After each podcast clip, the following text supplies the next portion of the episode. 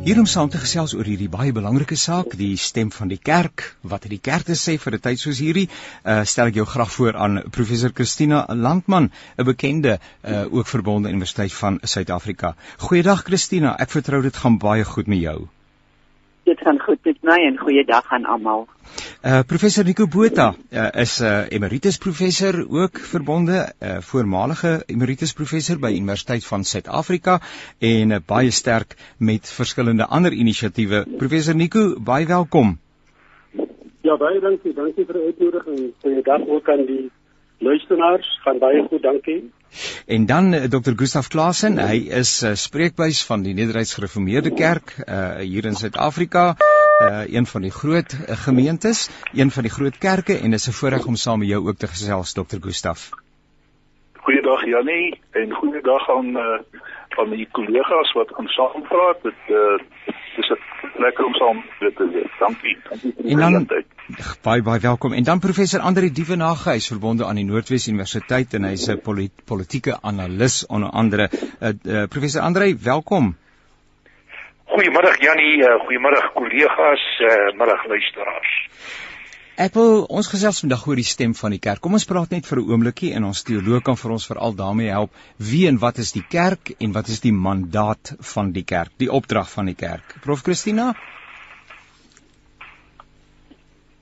Ehm um, die kerk het homself as die volgelinge van Jesus het homself ehm um, georganiseer in verskillende strukture en daarom sal ek dink ehm um, het die kerk 'n hele klomp goed om te doen soos wat Jesus ook 'n hele klomp goed hier kom doen het. Want ek sal sê Jesus het gekom om te kom leer. Ehm um, hy het nie gekom om nuwe wette te maak nie. Hy het net Moses het nou van die berg af gekom met met sy arms vol baie harde wette, maar Jesus het op die berg gestaan en vir ons wysheid geleer hoe om ehm um, die relevante wette um, toe te pas. So Jesus het geleer, Jesus het genees, Jesus het uh, brood vir meerderheid omgegee vir mense. Um innigheid is nog 'n woord wat baie oor Jesus gebruik word. En kyk, en al hierdie dinge wat Jesus gedoen het, het op 'n manier politieke um politieke gevolge gehad. Wanneer Jesus die brood vermeerder kan 'n mens daaraan dink dat op 'n stadium het op op op daardie stadium het die hele land eintlik aan ses grondeienaars behoort en as hulle besluit die brood gaan prys gaan op dan gaan dit op en dan lê mense honger. En nou maak Jesus brood vir duisende mense en daar word nie daai dag uh, brood verkoop nie. So dit is 'n vinger na die ekonomie en na en dit is 'n politieke uit um, uiting wat Jesus hier maak. En dit het die mense natuurlik ook so opgeval want dit is die enigste 'n wonderwerk van Jesus wat in al vier die evangelies voorkom. So dit dink ek dan is vir die werk is die werk wat die kerk moet doen as Jesus se volgelinge, hulle leer hoe om met wysheid uh, die relevante wette van die dag na te kom, kerklik en ehm um, en ook die uh, regeringswette. Die kerk is 'n plek van genesing op allerlei maniere en dan is die kerk ook 'n plek waar ons vir mekaar ernstig omgee en uitkyk vir mekaar. Uh, Dr. Gustaf, uh, u staan nou baie sterk ook uh, met u bene tussen 'n klomp gemeentes uh en uh, moet die stem van die kerk na buite wees. Uh, net sommer so ietsie oor die rol van die kerk, die plek van die kerk, die mandaat van die kerk en wie die kerk is. Ja nee, ja, dankie aan uh, vir die mooi omskrywing. Ek sou miskien dalk uh, kortliks wou sê dat die kerk is geroepenis, uh deur God geroep. En uh, daai uh, geroepenis uh, kom in gemeenskappe bymekaar wat wat ons maar min of meer seker kerke kan noem. En die een groot belangrike ding op die agenda van geroepenis is die koninkryk van God. En die koninkryk van God word vir ons saamgevat in die woord wat vlees geword het. Die leefwyse van Jesus, hoe hy dit voorgestel het. Uh so ek sou kort sou ek sê dit is die mandaat van die kerk om getuies en uh medereisigers te wees met uh, rondom die groot en die belangrike uh agenda uh en dit is uh dis die koninkryk van God. Dok professor Nico, uh, u het 'n uh, uh, artikel geskryf wat op Netwerk 24 verskyn het. Die opskrif, uh, ek weet hulle kies dikwels maar die joernaliste of die mense kies die opskrifte, maar die opskrif is doen die kerk nog wat hy moet. En dan spreek die die ehm um, bekommernis uit in 'n sekere sin dat die kerk se stem stil geword het en na binne gekeer is. Verduidelik vir ons asseblief.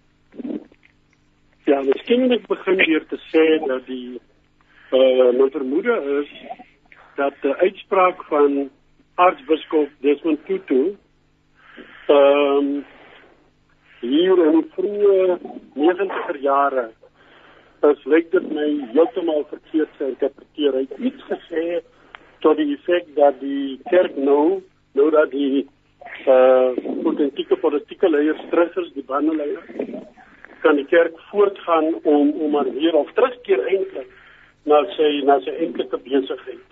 En dit dit is 'n bietjie verkeerd geïnterpreteer as sou dit beteken dat die kerk nou maar weer terug kan tree, dat die kerk nou maar weer pad kan gee uit die uit die openbare arena.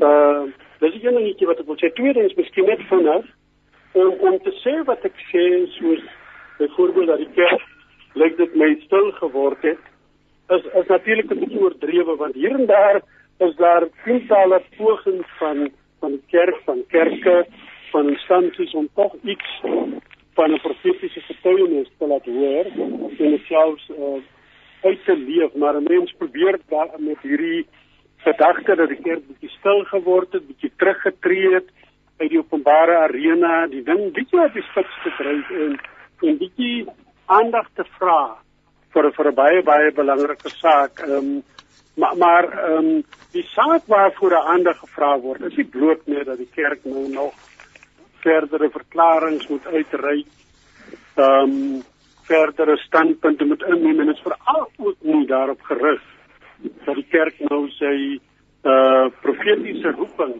ten aansien van die van die staat van die regering moet verskerp nie miskien wel waarom nie? Maar dit is veral op die kerk self gerig. Dis gerig op selfondersoek.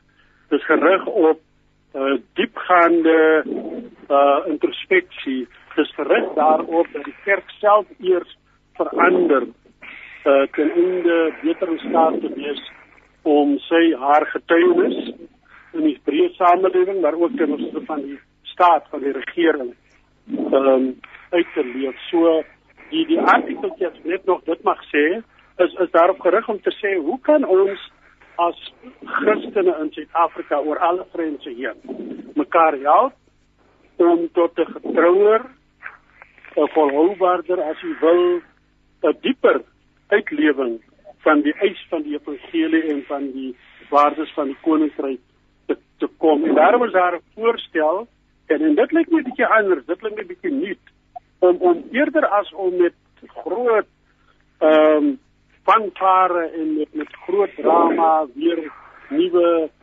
uh verklaringe uit te ry. Kyk of ons nie kleinsskalig, rustig, geleidelik selgroepies, klein groepies, sommige mense sal sal sal aan dit dink as die komunidade de base, die die basisgemeenskappe van Latyn-Amerika kan ons sulke groepe bymekaar kry waar Christene mekaar help om die evangelie en die waardes van die ryk van God getrouer uit te leef.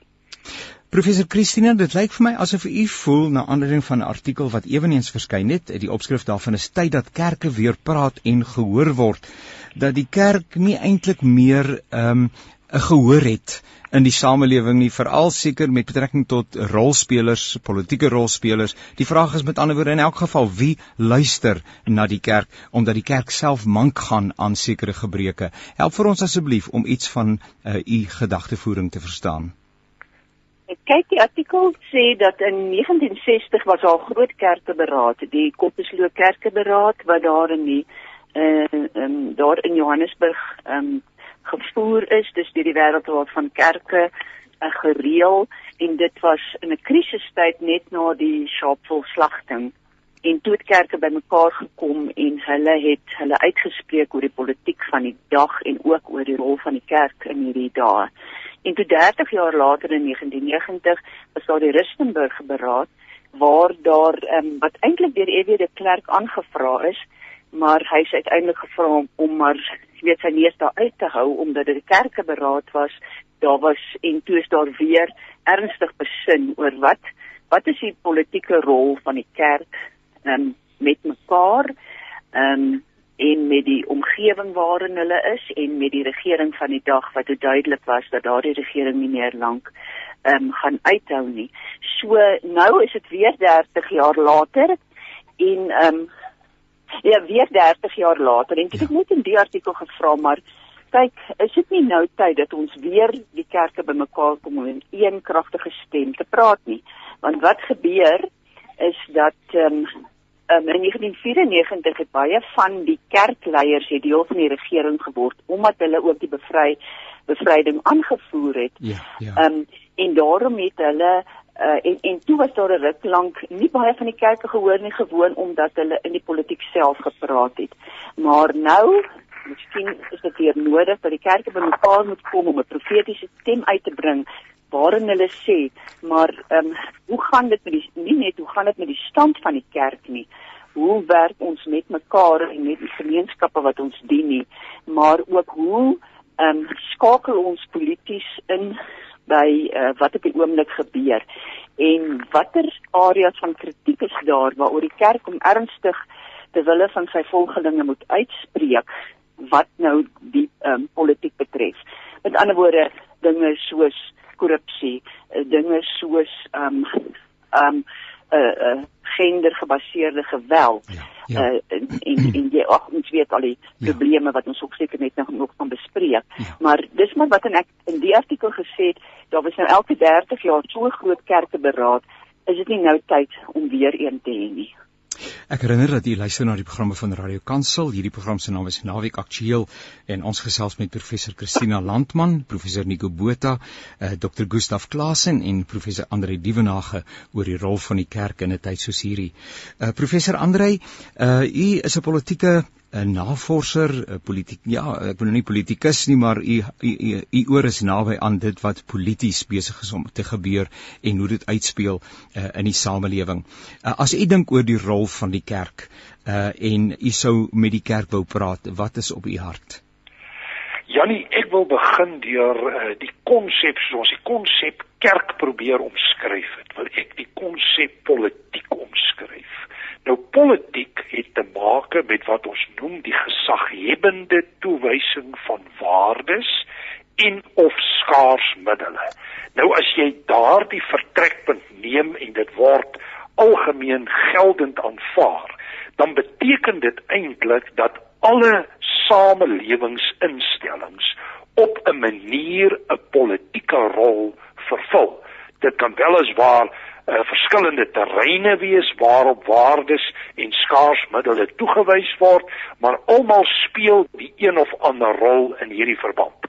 Nou as ons kyk na die laaste, ag ons kan nou die dekades langer of korter maak, maar kom ons sê 30 tot 50 jaar, het die wêreld fundamenteel verander en het dit 'n groot impak gehad op letterlik alle instellings uh van die samelewing, die staat, die universiteit, die kerk, die skool, die gesin, die huwelik, die arbeidsomgewing en ek kan so aangaan. Inderdaad. En die faktore wat hier werklik 'n groot rol gespeel het, is onder meer tegnologie en die inligtingrevolusie, individualisme wat tot bepaalde extreme geneem is, die veranderende rol van die man en vrou in die samelewing en die interaksie wat daaruit kom, nuwe politieke instellings wat tot stand gekom het.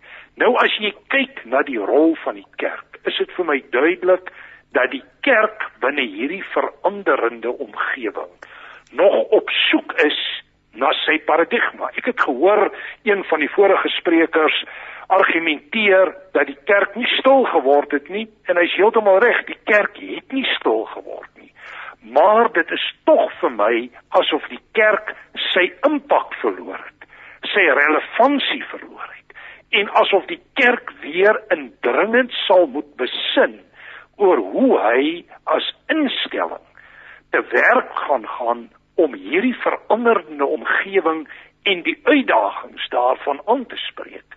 Nou die uitdagings hiervan lê breed. Jy kan dit 'n internasionale konteks gee, maar as ons bloot na die Suid-Afrikaanse konteks kyk, dan moet ons vir mekaar sê ons werk hier met 'n armoede vraagstuk van meer as 50%. Ons werk met 'n werkloosheidssyfer van 30-40% afhangende van watter definisie jy daaraan koppel. In sekere jeugkategorieë is dit bo 60 tot selfs 80%. Ons lewe in een van die mees gewelddadige samelewings in die wêreld ja, met ja. meer as uh 657 moorde, meer as 120 verkrachtings per dag. Ja. En as jy hierdie omgewing sien waar die staat eintlik besig is om voor ons oë in duie te stort, moet jy die vraag vra wat staan die kerk te doen? In my ervaring op die oomblik is dat die kerk vir my 'n baie beperkte rolspeler in hierdie omgewing is en baie anders as die periode voor 94 nie meer rigting gee aan die proses nie en soms vasgevang is in 'n klomp ander soortige debatte wat konflik genereer en hulle inhibeer om sterk leiding te neem op die pad vorentoe en op die uitdagings. Maar dis my kyk hier van die buitekant. Ek is nie aan die binnekant deel van die debatte wat daar woed nie. Dr. Gustaf Klasen, u is 'n spreekbuis vir een van die grootste denominasies in Suid-Afrika, die NG Kerk. U kan uiteraard nie namens die kerk praat in sy breë nie, maar u kan tog wel 'n uh, gedagtes wissel oor hoe dit dan nou uh, binne die NG Kerk verloop, maar u is ook by die Suid-Afrikaanse Raad van Kerke betrokke. Weereens sekerlik nie uh, hulle spreekbuis nie, maar u het ook ervaring van wat daar aan die binnekant aan die gebeur is. Die gedagtes wat ons kollegas uitgespreek het, professor Andri Divenage, die Wenage en uh landman Christina Landman en, Nico Botha. Uh hoe val hierdie dinge vir u op die ore? Uh Janie baie dankie en baie dankie aan die kollegas vir hulle perspektiewe wat hulle met ons uh, gedeel het.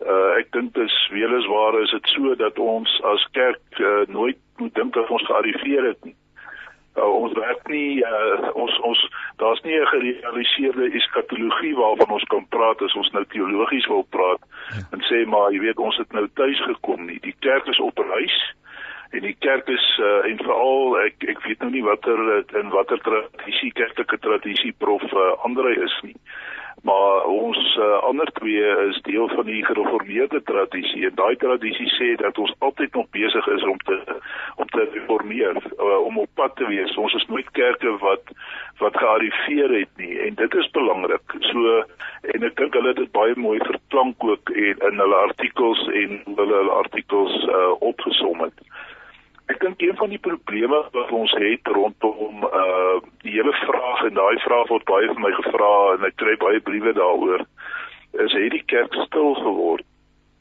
Ek dink ons het ons sit baie keer uh met ook met die een probleem en dit is dat ons nie lekker kommunikeer waarmee die kerk besig is nie. Ja. Uh ons word ook in die pers uh word ons soort van aangehaal vir al die verkeerde dinge. Uh ek het byvoorbeeld so wat is dit 3 jaar terug het ek by 'n sinode het ek gepraat oor waarmee die kerk besig is en daar was uh daar was 'n uh, persoon van die uh, uh joernalis van die groot uh een van die groot Sondagkoerant het gesê maar kan hy nie asseblief my voorlegging kry nie. Hy sal graag 'n artikel daaroor wil skryf nie. Hy artikel het nooit gerealiseer nie. Maar soos julle weet, het ons nou al 'n uh, redelike paar keer of van die dominees of wat ook al wat iewers gesondag het die voorblaaie gehaal in plaas daarvan dat uh, dit is nie goeie nuus uh, vir dis nie nuus wat verkoop nie. Dit ja. is een van van die probleme wat ons het in die persepsie ook baie keer ehm uh, jy weet laat dat tuiskom dat uh, die kerk eintlik uh, stil geword het daarmee sê ek nie die kerk uh, ek dink die uh, introspeksie wat uh, waarna verwys is deur uh, prof Nico is, is regtig so ons moet ons moet kyk en ons moet altyd met ons met ons uh, besig is da, wees daarmee die uh, die Suid-Afrikaanse Raad van Kerke dink ek was die afgelope tyd uh baie baie instrument uh redelik sterk en instrumenteel rondom persverklaringe wat gemaak is. Uh, ons moet nie vergeet dat die uh, verslag van die Suid-Afrikaanse Raad van Kerke saam met die verslag van drie uh, onafhanklike akademiese instellings eintlik maar gelei het tot die uh, tot die verwydering van van die vorige president nie. Uh dit was uh dit was baie belangrik. Ons moet ook nie vergeet uh dis nie dalk so sterk gekommunikeer nie. Uh ons moet ook nie vergeet dat uh dit die uh die die uh organisasie SEFSA uh uh, wat eintlik uit 'n uh, kerklike of 'n uh, godsdienstige of uh, selfs 'n uh, intergodsdienstige uh, forum is uh, verantwoordelik daarvoor was dat uh, in die eerste plek die hele uh, hidrobreking in die in die Karoo gestop is en in die tweede plek die hele ding rondom die ons atom uh, daai transaksie wat wat uh, op die tafel was of onder die tafel was ja tussen ons vorige president en die uh en uh, president Putin. Uh ons moet nie ons moet nie daai dinge moet ons letterlik skat nie. Uh ek dink uh dit is nou maar twee uitstaande uh dink momente of waarby die kerk baie sterk betrokke was by name die Suid-Afrikaanse Raad van Kerke wat ons nie regtig wat nie regtig hoog opgegee is in die in die openbare uh, pers nie. Uh ek dink as ons na ons eie familie uh gaan kyk van NG Kerk uh, familie die eie familie uh, waarvan ons al drie ek en uh, die prof Christina en prof Nico van deel is dan is uh is ons uh, gesamentlik uh, besig uh of betrokke by uh uitreike uh, en die verbetering van mense se lewens in op verskillende vlakke wat uh, byna 10% van ons bevolking impak. Daai tipe van uh, statistiek en uh, verhale haal nie die uh, haal nie die, die die openbare media en is die indruk word geskep dat die kerk eintlik sy stem is so sy werk uh, het eintlik in 'n sekere opsig bietjie tot tot tot stilstand gekom. Uh en uh, dit dit uh, dit is nie heeltemal waar nie. En daarmee wil ek nie my hande in ons skuld was en sê maar miskien moet ons jy weet ons ons moet nou ons doen eintlik genoeg om ons ons moet onsself beter evalueer. Jy weet ons is uh, mooi op pad. Ons kan eintlik baie beter doen nie. Ons kan baie beter doen en ons moet steeds met daai introspeksie moet ons besig wees en uh, baie sensitief wees vir die leiding van die Heilige Gees wat vir ons moet lei ook uh, op terreine uh waar ons nog steeds die koninkryk nog duideliker en en en en en meer uh, verstandieel medewerkers moet wees om dit daar te laat kom. So dit sou in kort uh, Janie my my bydrae wees op hierdie stadium. Nou kollegas uh, professor uh, Nico en uh, professor Nico ag Christina uh, ook uh, um, professor um, uh, uh, hy tog ek het vandag al soveel gesprekke gehad uh, waar's ek nou uh, Andrei? Uh, vergewe asseblief um, hoe hoor u nou vir uh, dokter uh, Gustaf Klaasen uh, en wat leef in u hart wanneer u dan nou sou wou reageer uh, op dit wat hy gedeel het? Prof. Christina? Ja weet jy ons is in Suid-Afrika in hierdie ironiese situasie as ons nou net statisties kyk na dinge en ons sê ons is die land met die seker die hoogste verkrachtingssyfer in die wêreld mm -hmm. en van die hoogste geweld ehm um, ehm um, syfer in die wêreld en een van die hoogste en nie die hoogste huishoudelike geweld in die wêreld nie maar ons is ook een van die godsdienstigste lande in die wêreld. Ja. Dan moet ons sê hierdie mense wat geweld pleeg op watter vlak ook al Ehm um, hulle is iewers aan 'n kerk of 'n moskee of 'n tempel verbonde. En en uh, as daar net uh sê maar 50% van ons samelewing uh nie nie uh, godsdienstig is nie, maar baie meer as 15% uh skuldig van geweld, dan ehm um, moet daar iewerster moet moet moet die moet die kerk uh het die kerk 'n kans of die kerk of die moskee of die tempel 'n kans om met mense te praat oor geweld. En uh daarom is dit jammer dat die kerk dink hy het nie so baie invloed nie. Hy het baie invloed. En en en, en ek dink dit is wat Nico bedoel wanneer hy sê maar ons ons gebruik nie regtig die ruimte wat ons het om te praat um sodat ons die samelewing kan beïnvloed nie. Die probleem is natuurlik voor die hand liggend en dit is dat daar so baie kerke is. In Suid-Afrika het ons Niemand weet hoeveel kerke daar is nie, maar hulle is nie geregistreer nie. Hulle spring elke dag op. Ehm um, ander gaan weer ehm um, raak weer verlore. Maar daar's iets tussen 10000 en, en 40000 kerke in Suid-Afrika. Op die aarde ja. kan hulle nie invloed uitoefen nie, maar op die aarde, hoe kan hulle in 'n uh, uniforme stem praat? Dit is die probleem waarmee ons sit in terme van die kerk se stem in die land. Professor Nico, hoe oor u vir uh, vir ons ander deelnemers en besonder dan vir Dr. Gustaf? Wat nou hier half nou die kerk moet verteenwoordig, nê? Nee? Ja, asseblief professor Nico. Ja, ek wil ek wil kortliks reageer op die bydrae van Dr. Gustaf Gous dit is baie interessant en te gelykertyd ook baie belangrik ek um, as kerklike bureaukraat en ek gebruik die woord bureaukraat in die beste sin van die woord uh, het hy natuurlik sy vinger op die pols in terme van verskillende inisiatiewe landwyd verskillende goed wat oral oor gebeur ek dink dit is uiters belangrik om daai stories te hoor anders kan 'n mens baie maklik in totale wanhoop verval en dink daar gebeur regtig niks nie. Daar gebeur baie dinge. Die probleem is egter dat as 'n mens na die statistiek kyk wat byvoorbeeld deur professor Boevenage voorgehou is, lyk dit nie asof al daai bydraes van die kerk oral oor uh 'n wesenlike verskil maak nie. Uh byvoorbeeld uh met verwysing na armoede of meer spesifiek dan die um, ongelykhede in die land is al weet dat ons intussen Brasil verbygesteek het as die land wat wêreldwyd die grootste sosio-ekonomiese ongelykhede het. Die gaping het die afgelope tyd net groter geword. Nou sê ek daarmee dat die kerk met 'n soort towerstafie moet inspring en 'n verandering daaraan moet moet moet bring nee. Maar wat ek wel sê is dat die die getuienis van die kerk sal sal baie harder moet opklink maar maar nie net uh, in woordgetuienis nie ook in daadgetuienis en weer eens is die voorstelling wat wat mense het uh in hierdie tyd gewrig. Nie verskriklike dramatiese goed dalk nie en miskien klink dit nou na weerspreking want dalk het ons juis baie dramatiese goed nodig. Dalk het ons juis 'n uh, skepping uit niks nodig maar wat ons gedagte het is om klein groepies oral oor oor alle grense heen te mekaar te bring om aan die goed te werk en mekaar te help regtig in terme van hulle getuienis te help om tot 'n sterker uitlewing van die liefde en die soeke na vrede en die jag na die geregtigheid om dit baie sterker gestalte te laat kry. Professor Andre, kom ons hoor nog van u.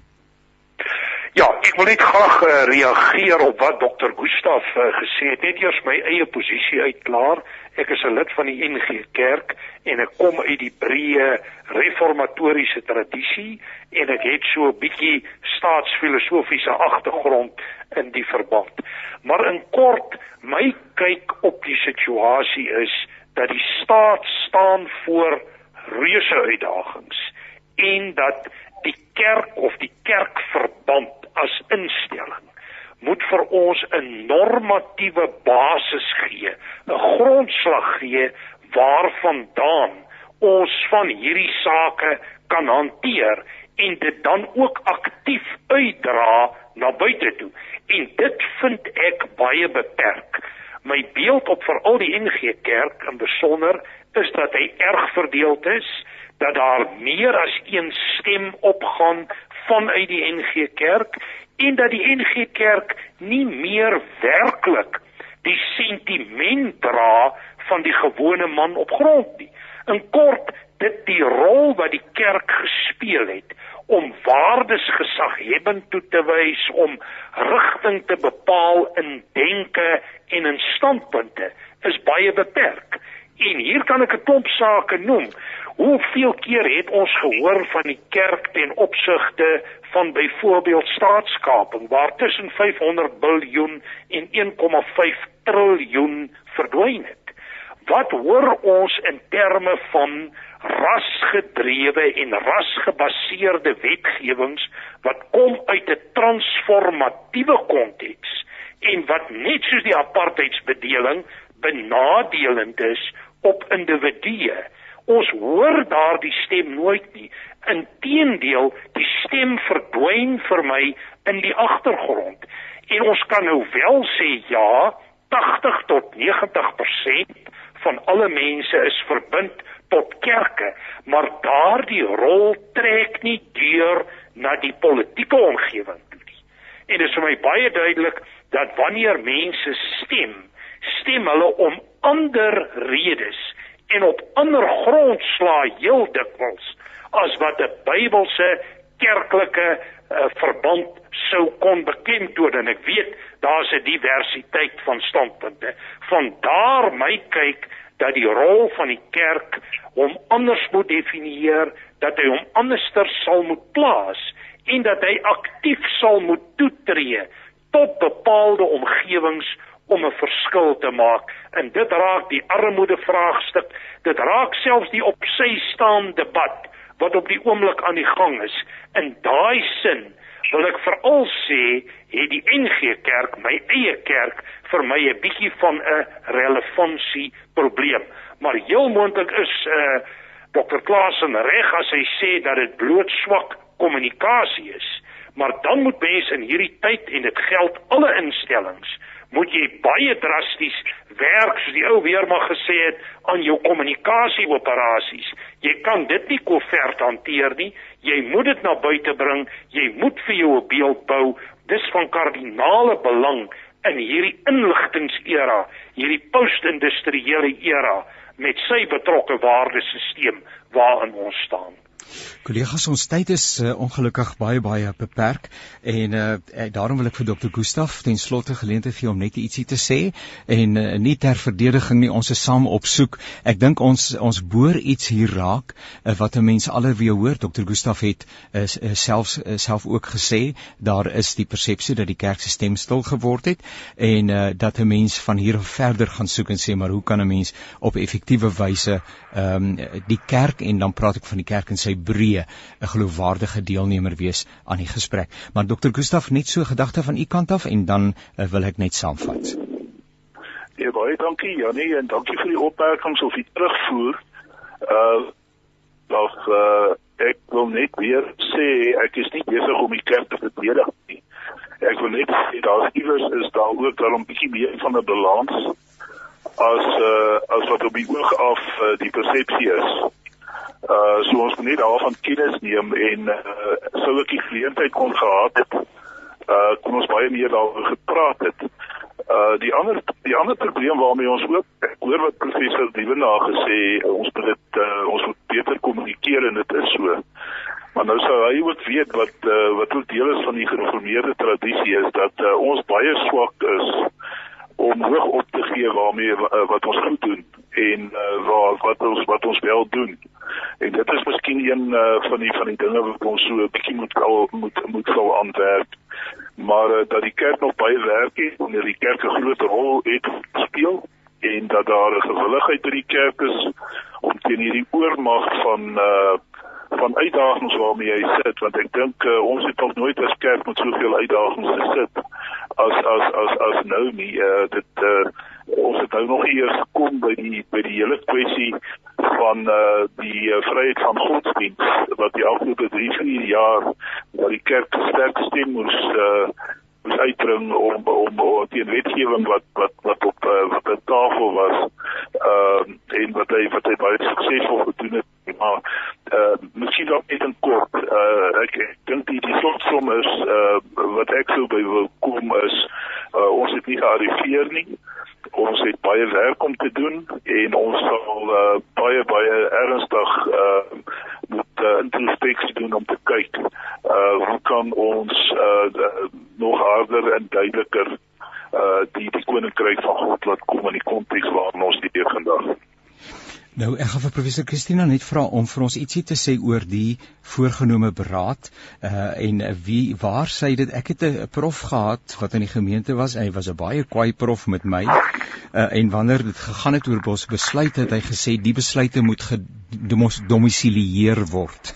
nou uh ek het natuurlik altyd in die gebrek gebly om besluite genoegsaam te domisilieer, maar die hele gedagte rondom 'n 'n 'n volgende beraad is 160 jaar later, sê dit Kotteslo, waar gaan ons hierdie saak parkeer? Wie gaan verantwoordelikheid aanvaar? Kom ek sê net ek self uh, het het het ook uh, die ervaring dat ons dalk 'n bietjie huiwerig en stil is.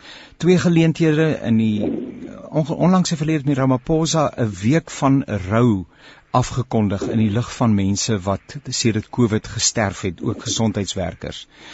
Ek het moeilik gesoek na die kerk uh en sy stem kon dit ook nie raak hoor nie en ek ek noem net vanuit my eie persoonlike perspektief.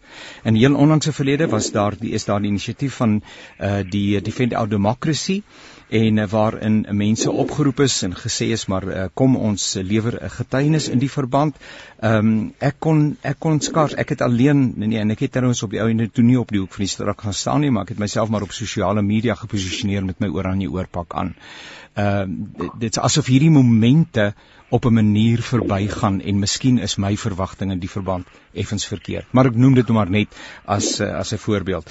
Prof Christina, nou nou u moet nou vir ons help asseblief, want ek wil amper voorstel dat julle vier geleerdes bymekaar uitkom en sê maar uh, indien en en my my eie gemoed getuig daarmee dat die tyd gekom het vir 'n vir 'n insluitende ehm um, kerkeberaad Uh waar moet ons hom parkeer? Uh, Prof Christina, terwyl dit nou van jou kant af gekom het, waar wie moet die inisiatief hier inneem en uh moet ons nie maar vir julle vier afvaardig om by mekaar te kom en die ding te begin beslag gee nie? En kyk, die heel belangrikste is is dat die regering moet moet nie die kerke bymekaar roep nie. Inderdaad. Ehm um, die kerke, want ek weet die staats die president het nou al heelwat ehm um, kere die kerke bymekaar geroep daar was dan altyd klagtes dat almal nie ingesluit is nie of nie verteenwoordig is nie.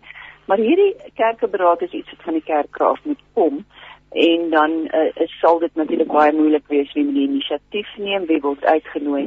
Maar my grootste wens is dat op so 'n beraad die kerke sal praat met 'n wyse en lewegewende stem.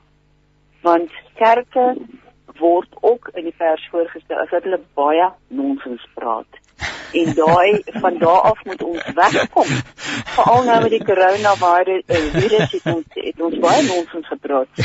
So ons moet met 'n wysledegewende stem praat uh, waar by die samelewing kan ehm um, eintlik dan kan baat. Ja. En soos wat ehm um, uh, wat uh, um, Andre gesê het, hierdie moet ehm um, jy weet jy moet die idee kry dat die die kerke weet wat hulle doen, wat hulle sê, dat hulle 'n werklike verskil kan maak en dat hulle nie uh, praat rond en bond en dat hulle nie oor um, goed praat wat eintlik tand verskynsels is nie want op die oomblik soos ek sê is die kerk bekend daarvoor dat hy ehm um, regtig uh, 'n soort van 'n uh, in een een of ander eh, bonatuurlike ruimte verkeer um, en dan dat hulle ook nie regtig oor goed praat wat te doen het met wat die samelewing nodig het om te hoor nie.